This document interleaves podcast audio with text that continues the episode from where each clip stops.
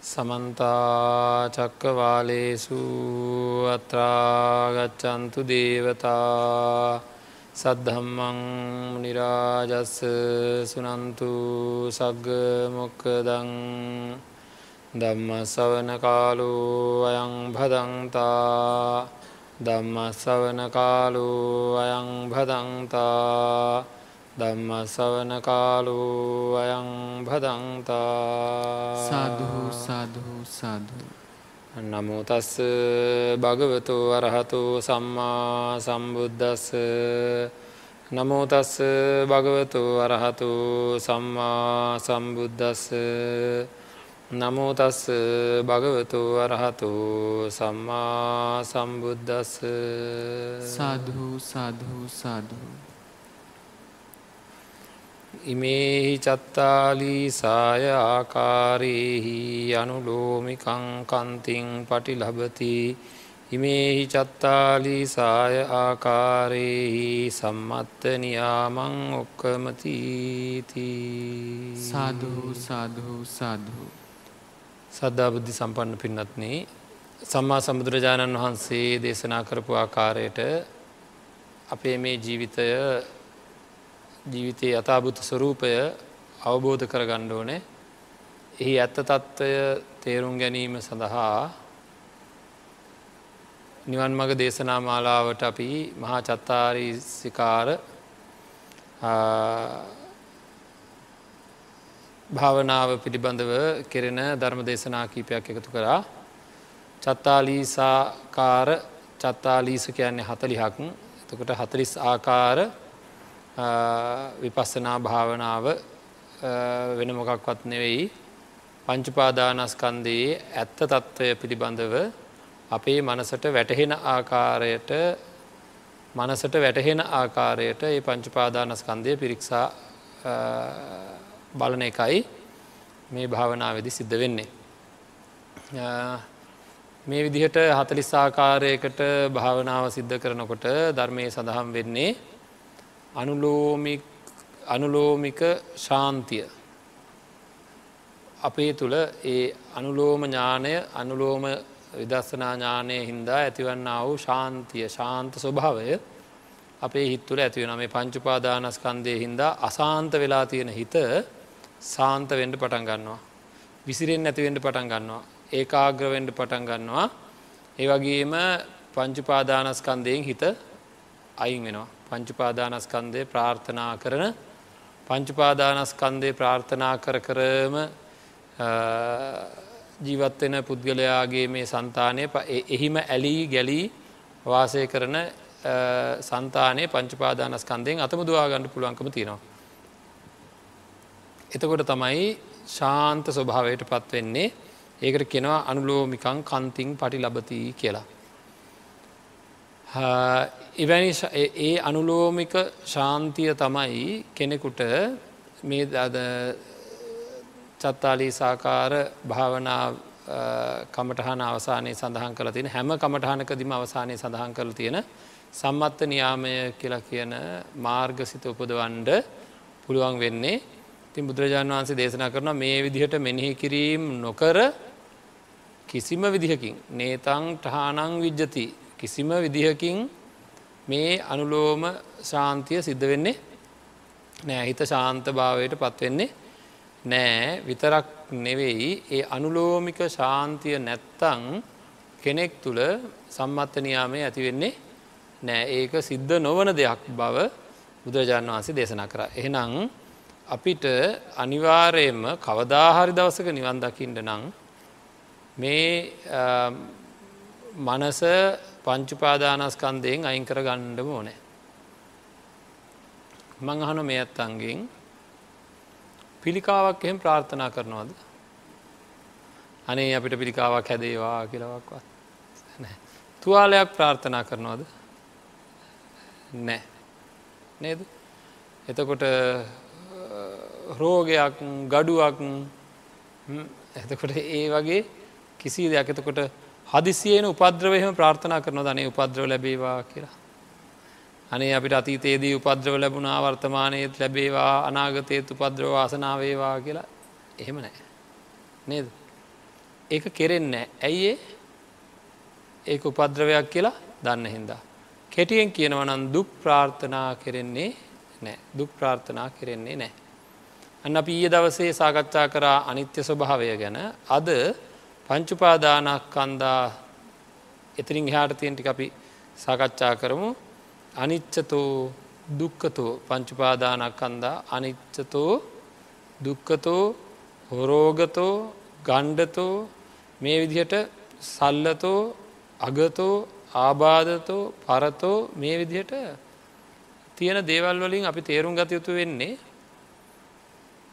අනිත්‍යයි කියලා අපි සාකච්ඡා කරපු දිට අපේ මනස අනිත්‍ය මෙනෙහි කිරීම් කරනකොට කරලා ඉවර වෙනකොට පංචුපාදානස්කන්දය පිළිබඳව පංචුපාදානස්කන්දය පිළිබඳ නිත්‍ය සංඥා නැති වෙන්ඩෝ නෑ.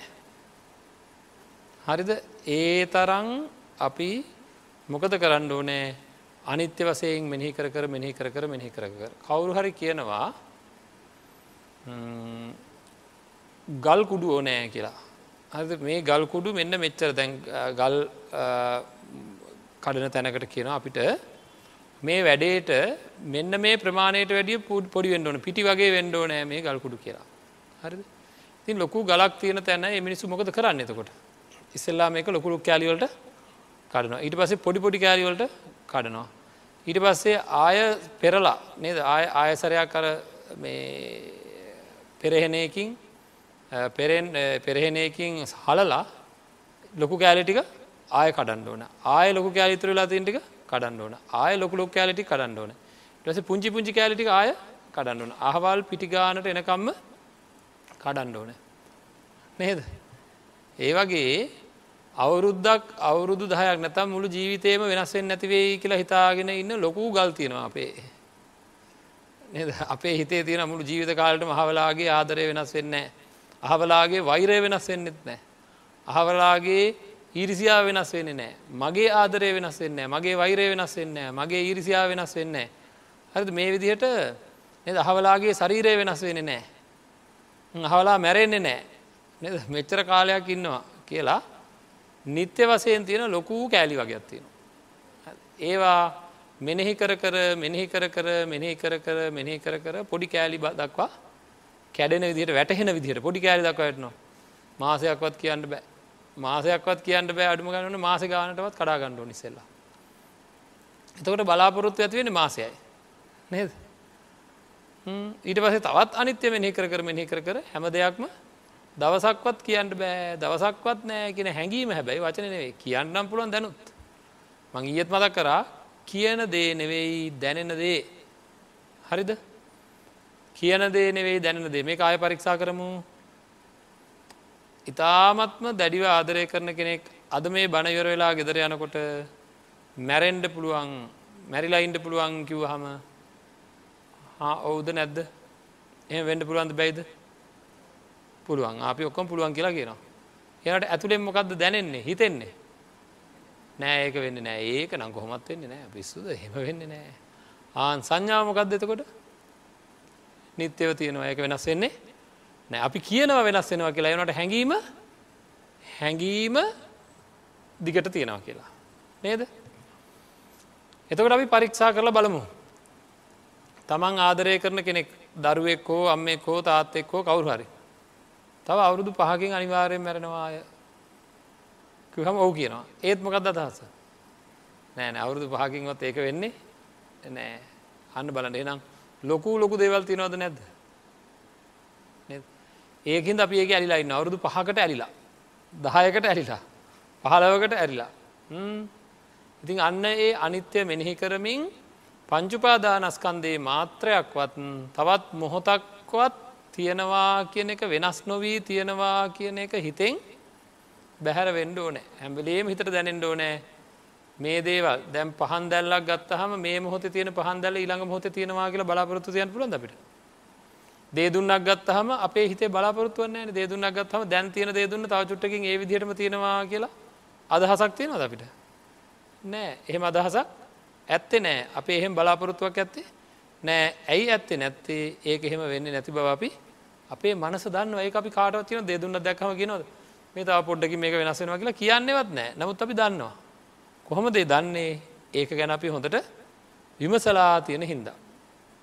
නේද ආංගේ වගේ පංචපාදානස්කන්දය ගැන විමසන්ඩෝ නෑ කොනකිදං එහා කොනට යනකම් වේදනා ගැන සංඥා ගැන සංකාර ගැන විඤ්ඥාන ගැන තවත් මොහොතක්වත් මේක දැන්තියන විදිහටම තියෙන්නේ නෑ කියන එක අපේ මනසට දැනෙන තුරු මෙනෙහි කරන්න ඕන. හරිද. වෙනස් වෙන දේවල් වල හිත රැඳෙනවද. වෙනස් වෙන දේවල්වල හිත ඇලෙනවද. ඇලෙන්ට තැනක් නෑ ඇතකොට ඇයි ඒ ඔක්කොම වෙනස් වෙනවා. ආන්ගේ වගේම පින්නත්න්නේ මේ ජීවිතය අරගෙන පංචුපාදානස්කන්දය අපිට දැනෙන්නේ කොහොමද? මේ ලෝකය ලෝකයේ සැප අපි විඳිනවාද? අපි සැප විඳින් නැද්ද මේ ලෝකේ? විඳිනවා. නද? මොකද සැප නැත්තේ? සැප නැත්තම් මෙහෙම ඇලිලා ඉඳීය. එල ලෝක සැපය තියෙනවා. ආන්ගේ සැප අරගෙන ඒ සැප පිළිබඳව මෙනෙහි කරනවා. මොනුවයින්ද ඇතට අපිට සැප ලැබෙන්නේ. රූපවලින් සැප ලැබෙනවාද නැද්ද? ඒහිද රූප වාහිනියක්ම හොයාගෙනන්නවා. නේද? සද්ධවලින් සැප ලැබෙනවාද නැද්ද? ඒක ගුවන් දිලියකු ලෑස්ති කරන්න ගුවන් දිලියක් තරන සදහන දෙවල් ගොඩා ජාති ලෑස්ති කරන්න සැප විඳින්ට නේද? ගන්ධවලින් සැප ලැබෙනවාද නැද්ද? ආයකිද සූදු සුවදලවුන් ජාති ඕ නෑ තරන් ලෑස්ති කරන්නවා රසවලින් සැප ලැබෙනවද නැද්ද? කොච්චර ජාති තියනවද සැපවලින් සැප ලබන රසවලින් නේද? ඉළඟට ස්පර්සයෙන් සැප ලබනවද නැද්ද? ලෝකෙම පිස්සු ඇටලාවාගේ නේද? විකාර දහටම නටනවා ස්පර්සයෙන් ලබාගන්නාව සැපයන් ලබා ගැනීම සඳහා. ඊළඟට දහම්ම වලින් සැප ලැබෙනවද නැද්ද? මොනවද? ආදරය ආදී දේවා. එනම් පංචුපාදානක් කන්දා දුක්කාද සුකාද සුකා ඇදැන් කිව ඔක්කොම සැපයි. එනම් පංචුපාදානක් අන්දා සුකහා ඒකන ඉතින් මැරෙන්ඩ හදන්න නේද? මේවා මේ අතෑරෙන්ට දෙන්නේ නැතුව මැරෙන්ඩ හදන්නේ සැපයි කියලා දැනෙන හින්දා. ඒක ඇත්තටම සැපයක්ද කියලා විමසනවා. මතකද ම බත් සැප ගැන කිව්ව එක සරයක්? අද තාය කතා කරම දැඟති දුක ගැන කතා කරන ලා ඒවා මතක තියෙන්ටවන හොඳ උදාහරණ. බත්වලින් සැපතියනවද බත්වලින් සැපතියන කොයි වෙලාවටද? බඩගිනි වෙලාවට. ඒ කියන බත් තිබුණට කණ්ඩ පුළුවන් වෙන්න බඩගිනි වෙලාවට එනම් හරියටම බත්වලින් සැපතියෙන්නේ බඩගෙනල ජීවිතේ වැඩියෙන් තියෙන බඩගිනි වෙලාවල්ද බඩගිනි අඩු වෙලාවල්ද? කාපු ගම බඩ පිරෙනවා. නේද? ආයන බත්වලින් හැමවලේම සැප ලබන්ටත් බෑ. බත් තිබ්බට විතරක් බෑ. බත්වලින් දුක් තියෙනවද? බත්වලින් දුක් තියෙනවා. ඇයි උන වෙලාවට කණ්ඩ ගිහ බඩගින් ඇති වෙලාවට කණ්ඩ වුණොත්? ඒක විතරත් බලන්න බත්වලින් තියෙන තව දුක් ගොලත් තියෙනවා. ඇයි කුඹුරු කොටන්නේ බත්හින්දද නැද්ද? ආහන කුඹුරු කොටන එක දුක බිත්තර වී හොයන එක දුකයි. වපුරණ එක දුකයි. පැල නෙලන එක දුකයි. පැල හිටවන එක දුකයි. වතුර බඳින එක දුකයි. පැල් රකින එක දුකයි. නේද. නියර බඳින පෝරු ගාන ඔය ඔක්කෝම දුකයි. අන්තිමට ගොයම් පැහැනකම්ම පොහොරදානේවා වතුර බඳිනේවා වතුර කඩනේවා ඔක්කෝම ඔය ඔක්කො මොනවා හින්දද? බත් හින්දා. නේද? වෙන මොනත් හින්දද? නෑ නෑ. එනම් ඒ බත් දුක. ඉළඟට ගොයන් කපනේවා බැතපාගනේවා නේද? වී කොටනේවා දුකයි. හාල් ගරණ එක උයන එක දුකයි. බෙදන එක දුකයි. අනන එක අනන එක වන සැපයක්ද? ඒකත් දුකයි. හපන එක? ඒකත් දුකයි. හැපුවට පස්සේ දිවේ වදිනකොට බඩගිනි තිබුණොත් සැපයි. නේද? ටසේ බඩ පිරුණ හම අදුකයිද අදුකයි ඉරිවස් ඒව දිරෝපවට පස්සේ? ඒත් දුකයි. එලිර්දානයව හංගන්ට තැන් හදන්ට ගිහාම ඒත් දුකයි. නේද? ඒනං බත්හින්දා වැඩියෙන් තියෙන්නේ සැපද දුක්ද දුක් මං ඔය එකක් කිවේ කාලය අරගෙන නිකන් නෙවේ. හැම දේම හෙමද නැද්ද බලන්න. හැම දේම හෙමද නැද්ද බලන්න.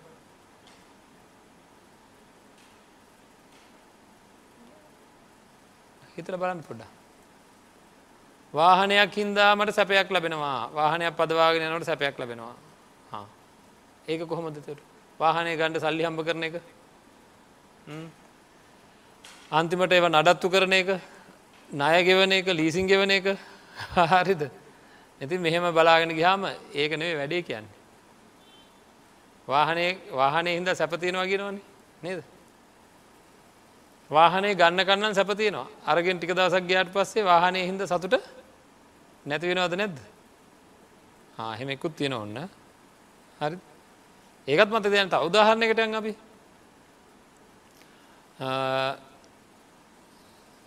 අපි යම් කිසි කෙනෙක්ගේ යම් කිසි ප්‍රිය කෙනෙක්ගේ දැකීම දුකද්ද සැපද්ද යම් කිසි ප්‍රිය කෙනෙක්ගේ දැකීම සැපක් දකිින්ඩ ඕනෑ කියලා හිතුන හම දැන් පේන්ට නැත්තා කිලෝමිට දහයක් විතර ඇත ඉන්නේ දැන් දුකයි.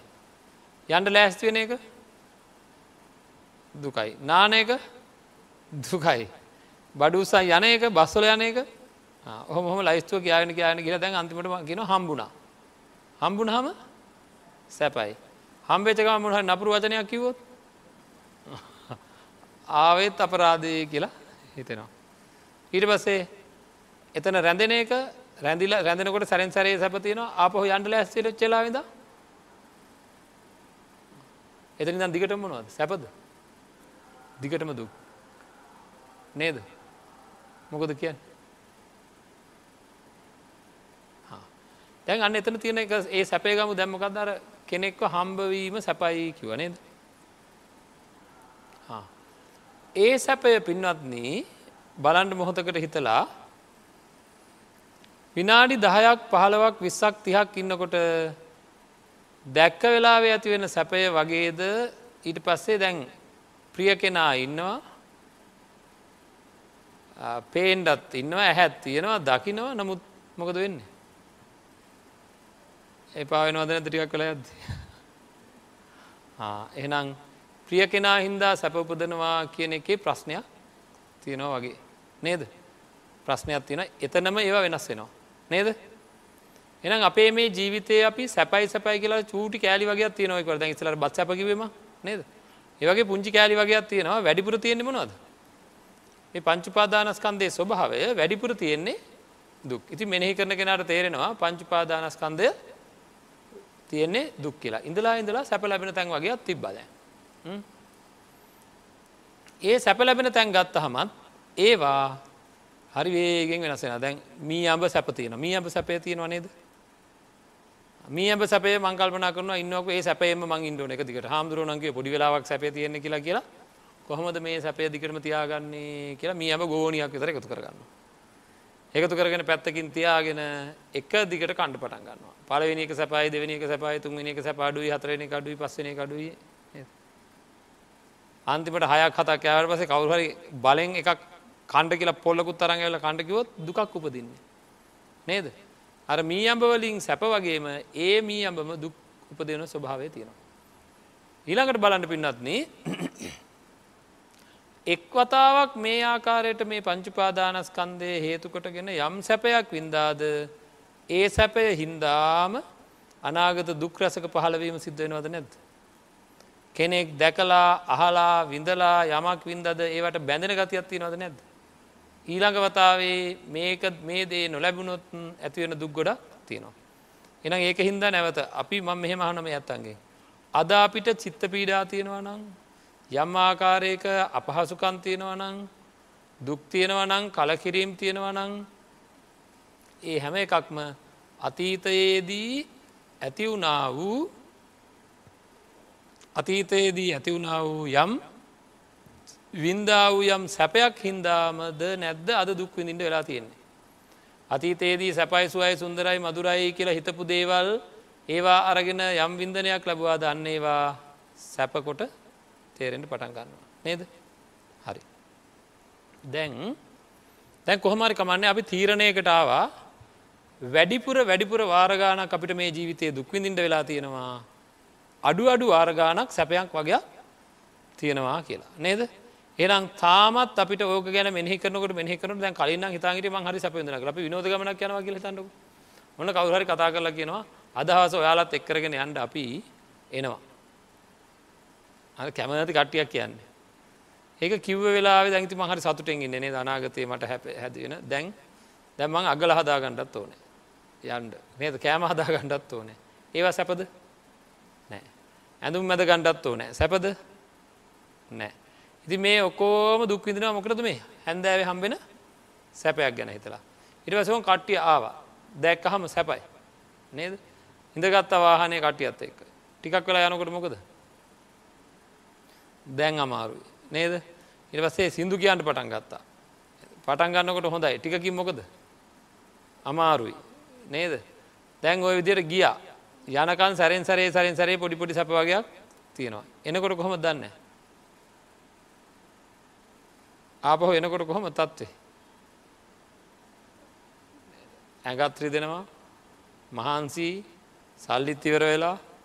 නේද? මේ වගේ අපි මේකේ ලබන සැපයන් වගේ තියෙනවා පින්නත්න. නමුත් ඒ ලබන සැපයන් පොඩි පොඩි දැන් ඉස්සෙල්ලාම තිබ අපිට මොකක්ද අදහස? අපි සාමාන්‍ය ජීවිත ඉන්නකොට තන්න මේ ලෝක සැපයි කියලා. දැවදිට පිරික්සල බලනකොට තේරෙනවා මේ ලෝකේ අපි වැඩියෙන් විදලති දරුවෝ හින්දා වැඩියෙන් විදලා තියෙන්නේ සැපද වැඩියෙන් විදලා තියෙන දුක්ද? දුක්. ආදරය හින්දා වැඩියෙන් විදලා තියෙන්නේ සැපද වැඩියෙන් විදලා තියෙන්නේ දුක්ද? දුක්. හදාගත්ත ගේහින්දා වැඩියෙන් විදලා තියෙන්නේ සැපද වැඩියෙන් විදලා තියෙන දුක්ද? රස්සාාව හින්දා වැඩියෙන් විදලා තියෙන්නේ සැබ්ද වැඩියෙන් විදලා තියෙන්නේ දුක්ද? පරස්ථාව හින්දා වැඩියෙන් විදලා තියෙන්නේ සැපද වැඩියෙන් විදලා තියෙන දුක්ද?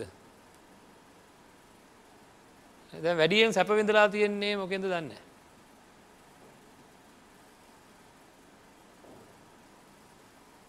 අපි ප්‍රස්ථාරයක් විදිර ඇඳල බැලුව සැපවේදනා දුක්වේදනා අදුක් අසුක වේදනා ඇතිවෙන ඒවා. හරි සැපවේදනා උඩට හිටින්ටත් අදුක් අසුක වේදනා මැද හිටින්ටත් දුක්වේදනා යට හිටින්ට ප්‍රස්ථාරයක් අඳ නොහෙම මේක හැම්වෙලේ වැඩිපුර තියෙනෙ කොහෙද? යට පැත්තේ. ඉඳලාමත් එකක් උඩගින් ඇවිල තියෙන ආය උඩගින් ඇවිලතින නේද? පල්ල හටම වැඩලතිය නේද? විභාගයක් පාස් කරගන්නට හරියට මහන්සිනවා කෙනෙ මහන්සි වෙනකන් සැපද දුක්ද? හොඳටම ලොකු ප්‍රතිඵලයක් ආවා. දැන් ඕන් හරි සතුටක් ආවා. ළඟම යාළුවට කෝල් කරා. කෝල් කරලා කිව්වා. ගණන් ගත්තෙවත් නෑ දැම්මොකද වෙන්න? එක පාටම දුකක් වෙනවා. නේද? මේ වගේ ලොකු දේවල් එක් අපිට නේද? පොලේ ගහනෝ වගේ දුක්කෙනවා නේද? ඉතින් ඒ වගේ මේ හැම දෙයක් හින්දම අන්න එහෙමයි. ඒවා වෙනස් වෙන හින්දා මේ පංචුපාදානස්කන්දේ අනිත්‍ය දුක් අනාත්ම ලක්ෂයන් ලක්ෂණයන් කියන්නේ මේ දුක්ක ලක්ෂණය ගැන හෙමයි නේද. ඇයි ඒ වෙනස් වෙන හින්දා. නේද හැමදේම එකෙන ගීතුත් වෙනස් වෙනවා මේ ලෝක තින හැම දෙයක්ම වෙනස් වෙනවා ඉතින් එහෙම නං ඔන්න ඔය පොඩි සැප වගේයක් එවුණට තියෙනවා ඇති නේද.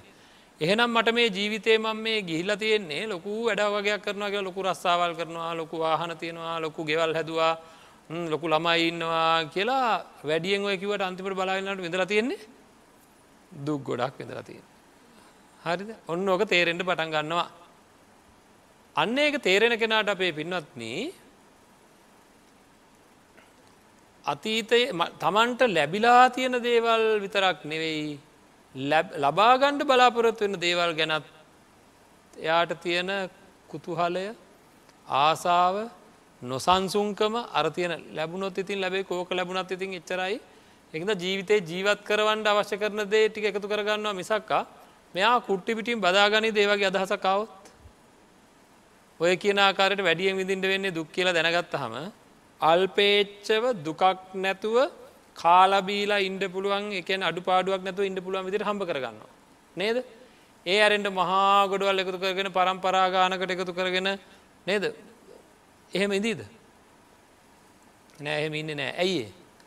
එයා දන්නවා මේක නිෂ්පල උත්සාහයක් කියලා. නේද? වැඩක් නැති උත්සාහයක්. මේ ජීවිතේ මේකට වැඩිය වෙනස් දෙයක් තියෙන්ට ඕනෑ. වෙනස් දෙයක් තියෙන්ට ඕන කියලා. කමන්න දැත චූටි චුටි සැපගත්වන ඒ ගැනත පොඩ කතා කරමු. මේ දූරියන් සැපද? කටියක් හොඳට හිනාව අතරේ කටියම් මුණ අකුලා ගත්තම හැමදාම දූරියන් තමයි පාවිච්චර ගන්න ඕක තේරුම් කරවන්න. ඇය දෙපැත්තේ තියෙන හින්දා. සමහර ඇත්තන්ට පින්නත්න්නේ දූරියන් වලින් ජීවිතය කවදාක්වත් සැපයක් විඳින්ට බෑ. ඔවුද නැද්ද. ඇහුනත් දුකයි. සමහර අයට සැපයි. ඇයි දන්න ඇයි.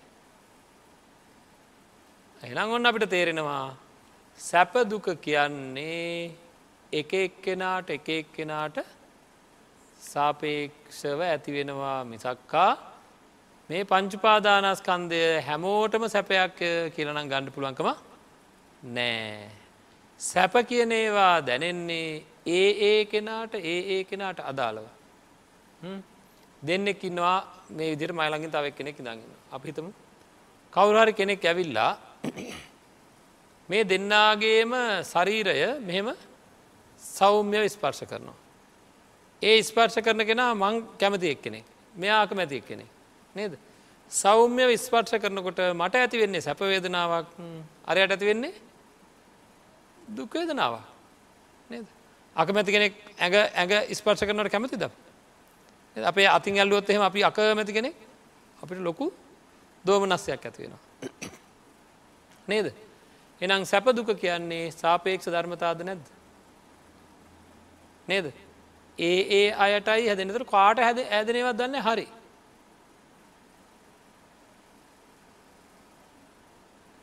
කාට හැදනවත් දන්න හරි.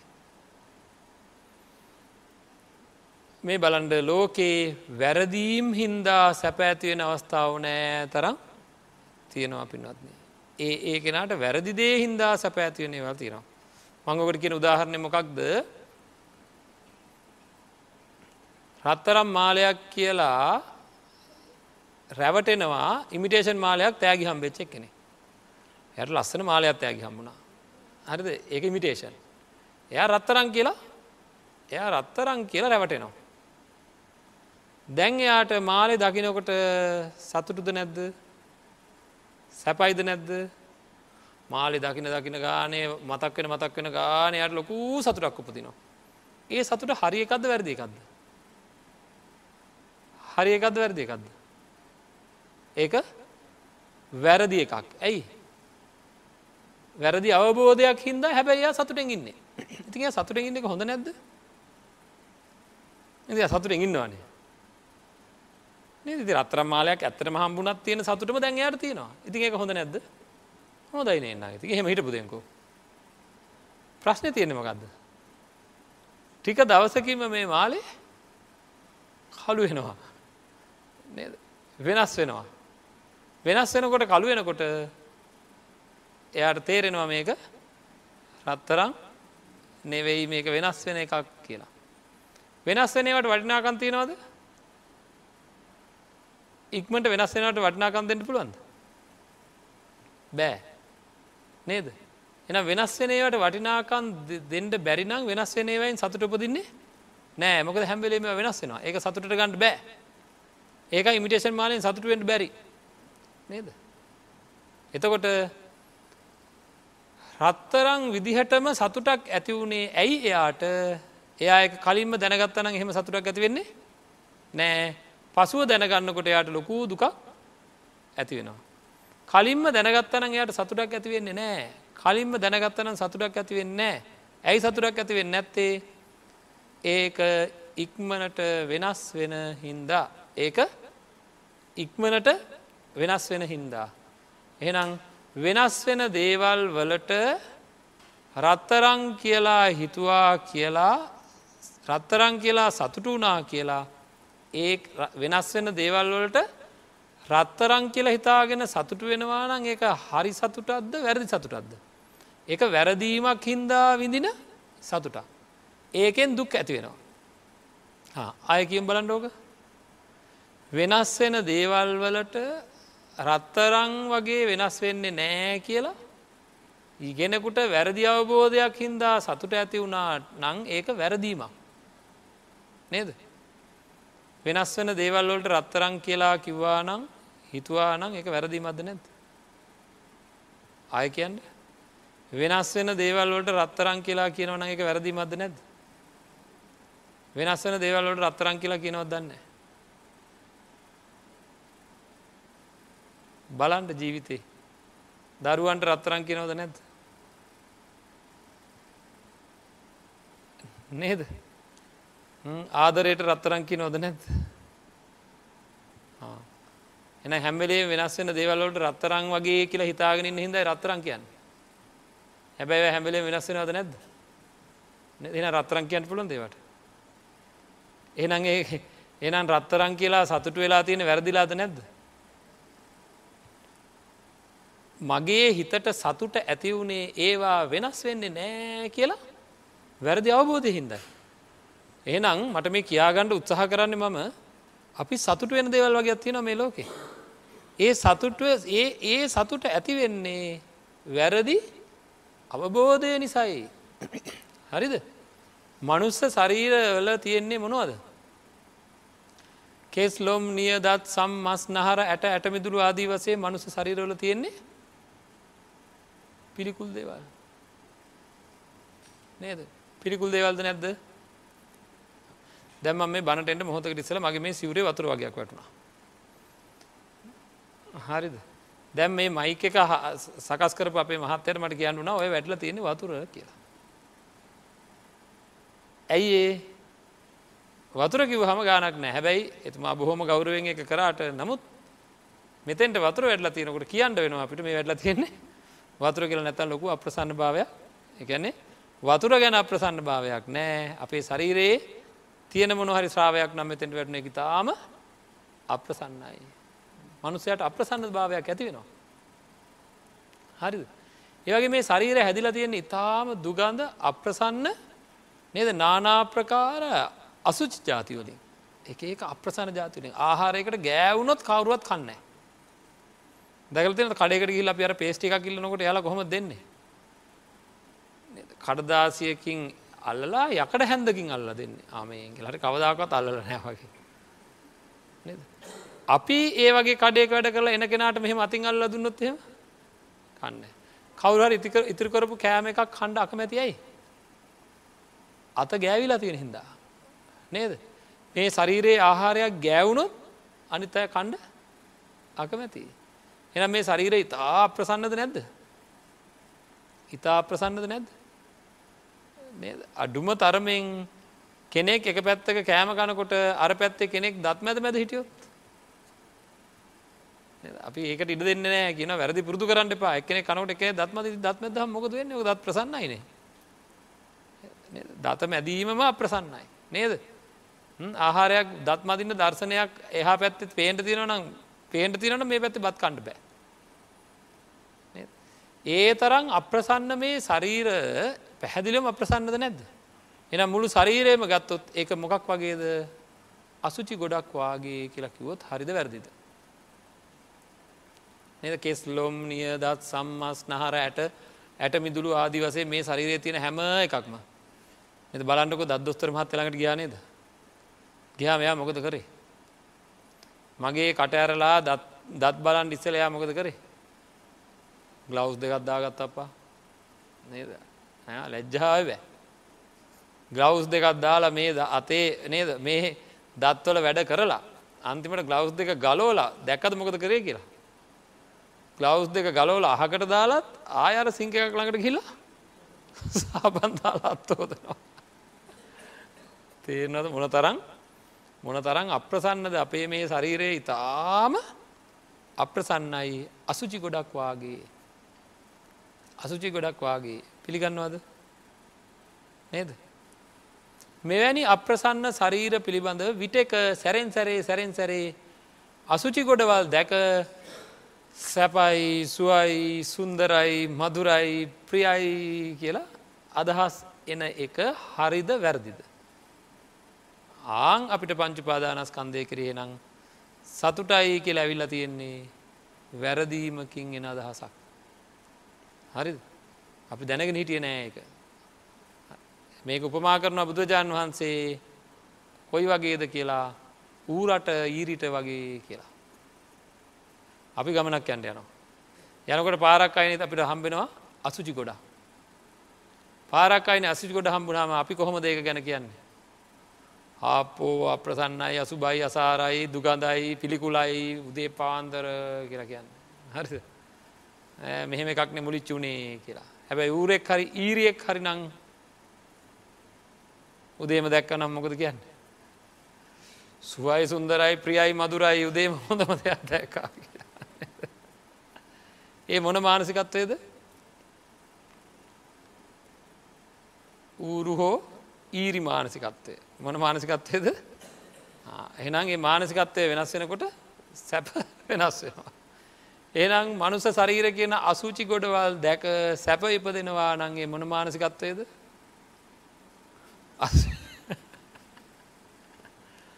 අන්න බලන් පින්වත්න අපි මේ ලෝකය පංචුපාදානස්කන්දය සැපයි සැපයි සැපයි කියලා අපිට දැනෙනවා ආංගේ දැනෙන එක හරියටම හරිද කියලා අපි බලන්ඩෝන. ඒක අපේ මනසට දැනෙන විදිහක්.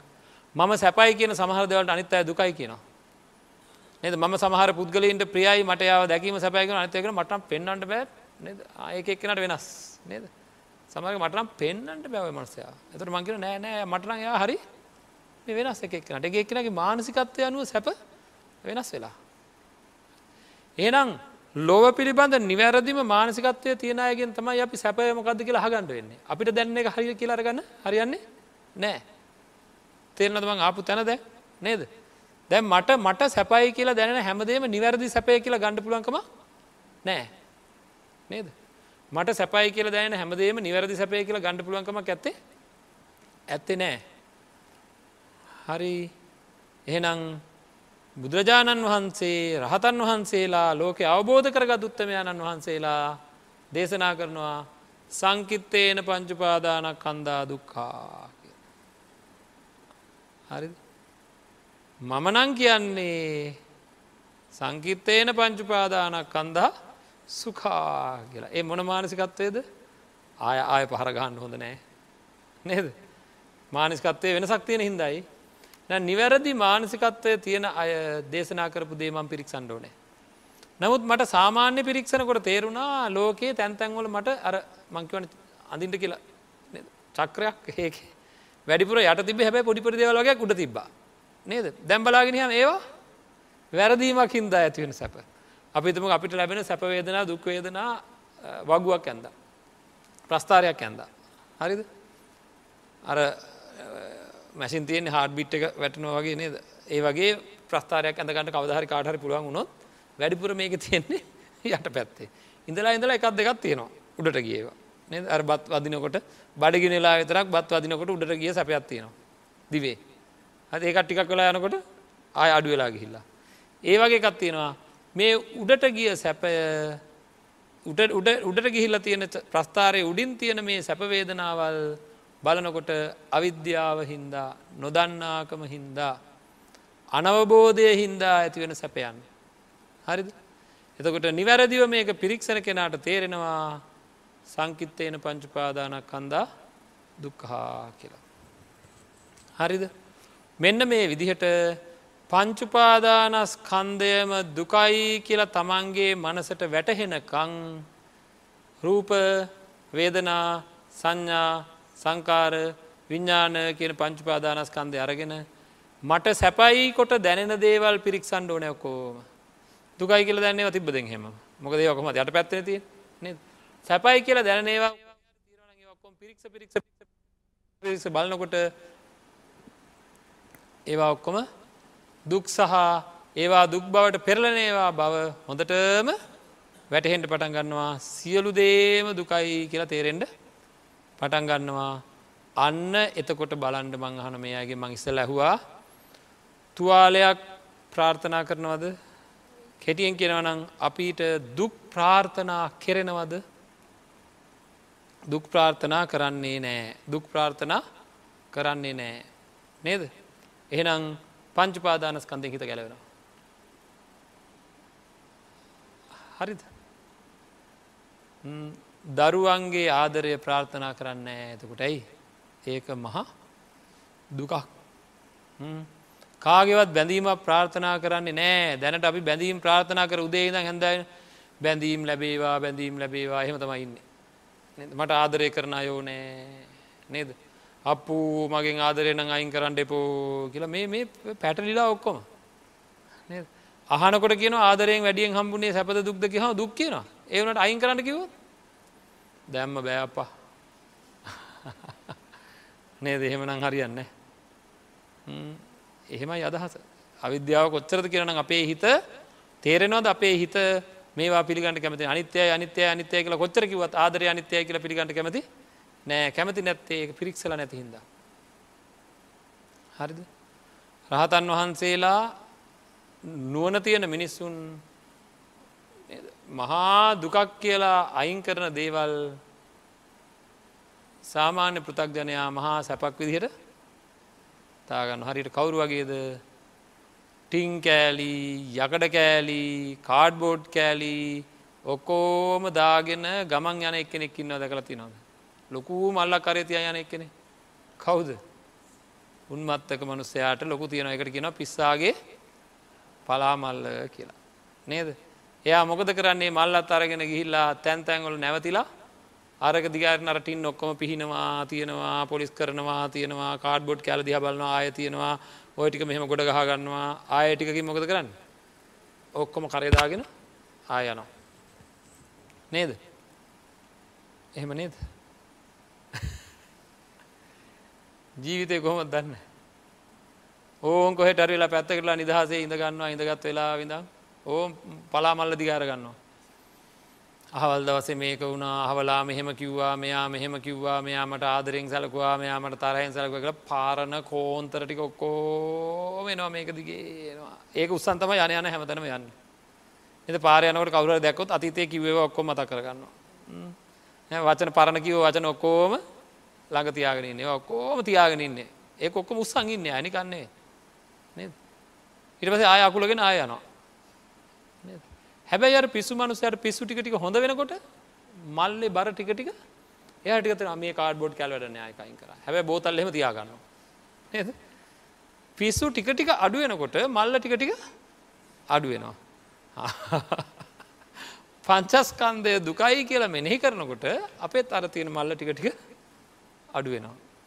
හරි එතකොට පිස්සු හොඳටම හොඳ වෙච්ච දවසේ මෙයාලගති බොක්කොම විසි කරලමයා අන්තිමට බලනවා මේ මල්ලෙන් ගඩන්න මේක එකතු හා මල්ල විසි කරා මල්ල විසි කරගෙන අය එකතු වෙන්නේ සම්මත්ත නියාමයට ඇති වෙන්නේ අනුලෝමික ශාන්තිය මේ විදිහට ලෝකය දුකයි කියලා මෙනෙහි කරනකොට අපිට නිවන් දකිින්ට හේතුවෙන පංචුපාදානස්කන්දය හින්දා තියෙන මේ නොසන්සුන්කං අපහසුකං මේ ඔක්කෝම අයිගෙන පින්නත්න මේ වගේ හිත ඇලෙන එක අඩු වැඩක් නෑ කියල මේවා අලෝගන්න නෑ ඇලෙන්නේ නෑ හිත. ඒ ප්‍රාර්ථනා කරෙන්නේ නෑ ඇලෙන්නේ නෑ. ඒවාගේ උඩුදුවන්නේ නෑ. හරිද මුදුමුල් ගිල්ල වගේ නැතන් ගිහිල තියන්නේ පංචුපාදානස් කන්දත් එක තද බැඳීමකින් ඉන්න ඒවා ගැලවෙන අපිනද වැඩන්නෑ කියලා තේරෙනවා. එතකොට මොකද වෙන්නේ ටික ටික ටික ටික පංචපාදානස්කන්දයෙන් හිත අයගෙනකට හිත ශාන්ත භාවයට පත්වෙන. හරි නමුත් තා මල්ල තියෙනවා. හරිත තාම මල්ල තියෙන දැ මල්ල බඩු අඩුයි. එදකොට ශාන්තයි. දැන් උසයියන්ට ලේසි ජීවත්වෙන්ට පහසු යාට. ඇඩෙන්නෑ කම්පා වෙන්න වෙහෙස නෑ මෙන්න මේ වගේ ඒකාග්‍ර හිතක් ඇති වෙනකොට තමයි යාට ලෝකෝත්තර අවබෝධයට යන්න පුළුවන්කම තියෙන්නේ. ඒ කියන්නේ මල්ල වැඩක් නෑ කියල දැනගත මල්ල විසි කරන්න ආය එකතු කරන්න හම්බෙන්නේ ආය එකතු වෙන්නේ නෑ හරි ඉතින් ඔන්න ඔය වගේ අපිට මේ පංචුපාදානස්කන්දය දුකයි කියලා සැප සංඥා මාත්‍රයක්වත් එන්නේ නැතිවන තුරු පංචුපාදානස්කන්දේ යථභූත ස්වරූපය මෙනෙහි කරන්න ඕනෑ. හරි රූපවේදනා සංඥා සංකාර වසයෙන් මෙනෙහි කරන්න ඕන. ඉති එහෙම කරලා මනසට තමන්ගේ පනිවිඩේ දුන්නහම පංචුපාදානස්කන්දයෙන් ගැලවෙන්ට පුළුවන්කම තියෙනවා. නැත්තන් කියනවා ගාකයි මෙන්න මේ වචන කියනවා බණ අහනකොටනම් හාමුදුරනේ ගොඩක් හිත කලකිරෙනවා ලෝකෙන් අයින් වෙනවා බණ ඉවර වෙච්ච ගමන් ඔක්කොම ඉවරයි. දැන් හේතුව තේරෙන්ට ඕන ඇයි මෙනෙහි කරන්නේ නැතිකම මෙනෙහි කරන්නේ නැතිකම. හොඳයි. එමන පීළඟ කරුණු ඊළඟ දවස්වල සාකච්ඡා කරන්නට තියාගෙන අද දවසේ ධර්ම දේශනාව මෙතනින් නිම කරනවා අද දවසේත් මේ මැදිරියට ඇවිල්ලා තමන් බොහෝම වෙහෙස මහන්සි වෙලා ධර්මශ්‍රවණය කරලා අන්න අයටත් ධර්මය ශ්‍රවණය කරන්න දායකත්වය ලබා දුන්න මේ පිරිස හින්දයි නිවස්වලට වෙලා ධර්මය ශ්‍රවණය කරන අයට ඒ ධර්මය ශ්‍රවණය කරන්න ලැබිච්ච වාරය ආනිසන්සේ ලැබුණේ. තියකින් අපි හැම දෙනාම් ප්‍රාර්ථනා කරමු බණ කියල බණ අහලා ඔබ අප හැම දෙනාම තුළ ජනතුනාව සිලපුුණ ශක්තිය මේ මැදිරියට පැමිණිලා කටයුතු කරපු දායකත්වය ලබා දුන්න මේ පින්වන්ත පිරිසට උතුම් අවබෝධය සඳහාම මේ ධර්මදානමය පුුණ්‍ය කර්මය හේතුවේවා කියල ප්‍රාර්ථනා කරමු. ආකා සට්ටාච බුම්මට්ටා දේවානාගා මහිද්දිකා පුඤ්ඥන්තන් අනුමෝදිත්වා චිරංරක්කං තුසාසනං චිරංරක්කං තුදේශනං චිරංරක්කං තුමං පරංතිී